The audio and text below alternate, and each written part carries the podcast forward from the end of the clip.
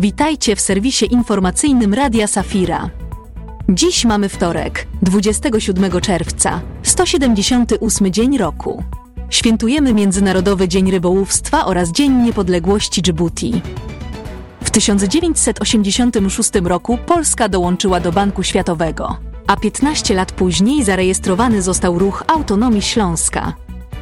W 1846 roku przyszedł na świat Charles Stuart Parnell, irlandzki polityk i przywódca ruchu na rzecz autonomii Irlandii.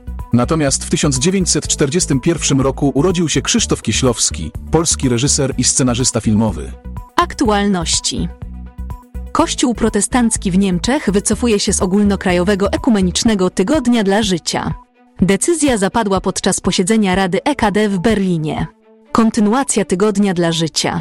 Omówiona zostanie podczas następnego zebrania plenarnego konferencji Episkopatu Niemiec.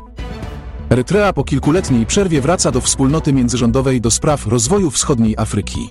Poprawa relacji z Etiopią ma promować pokój i stabilność w regionie. Niemniej jednak wywołuje to obawy, że Erytrea może użyć tego do zatuszowania naruszeń praw człowieka. W Szwajcarii spotkało się blisko 200 byłych członków Gwardii Szwajcarskiej.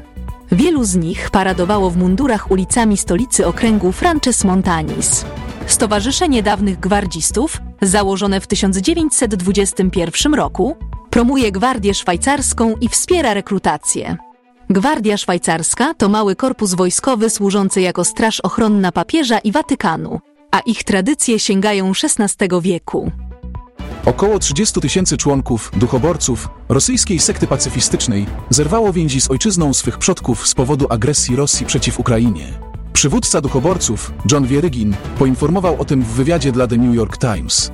Światowa Federacja Luterańska podkreśla rolę Kościoła w przestrzeni publicznej i wolności religijnej w Azji.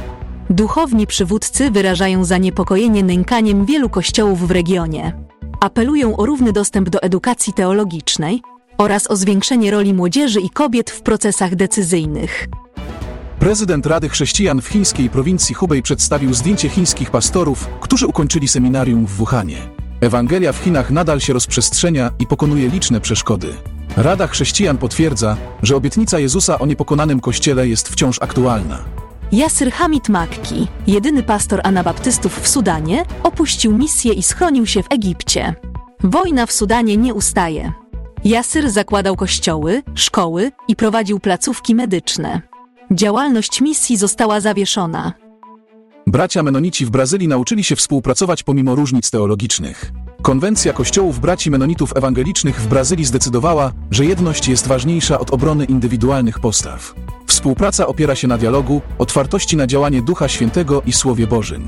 Projekt FSS w Hiszpanii obchodzi swoje dwudziestolecie. To program biblijny, stworzony w 2002 roku przez hiszpańskich liderów kościelnych. Ma na celu umożliwienie studiów teologicznych osobom z różnych grup społecznych. W ciągu dwóch dekad program ukończyło ponad 200 osób. Uroczystość zakończenia roku akademickiego i dwudziestolecia projektu odbyła się z udziałem absolwentów, nauczycieli i rodzin. Była okazją do uczczenia Bożej wierności i oddania chwały Bogu. Nguyen Thieu Huong, znana jako Matka Teresa z Wietnamu, pokonała bezdomność. Prowadzi organizację non-profit. Organizacja zapewnia opiekę porzuconym dzieciom, sierotom i bezdomnym nieletnim. Fundacja Matki Chłon z pomocą darczyńców i wolontariuszy stwarza dzieciom warunki do godnego i bezpiecznego dorastania. Do tej pory opieką objętych jest ponad 300 sierot. Terry, mężczyzna z Australii, urządził swojej partnerce życiową niespodziankę. Z okazji rocznicy podarował jej naszyjnik, który krył w sobie pierścionek zaręczynowy. Zawartość naszyjnika zachował w tajemnicy. Po upływie roku zorganizował wycieczkę do Szkocji. Wtedy odsłonił ukryty pierścionek i oświadczył się swojej wybrance. Ten niezwykły moment uwieczniony został na filmie w serwisie YouTube. To wszystko na dzisiaj.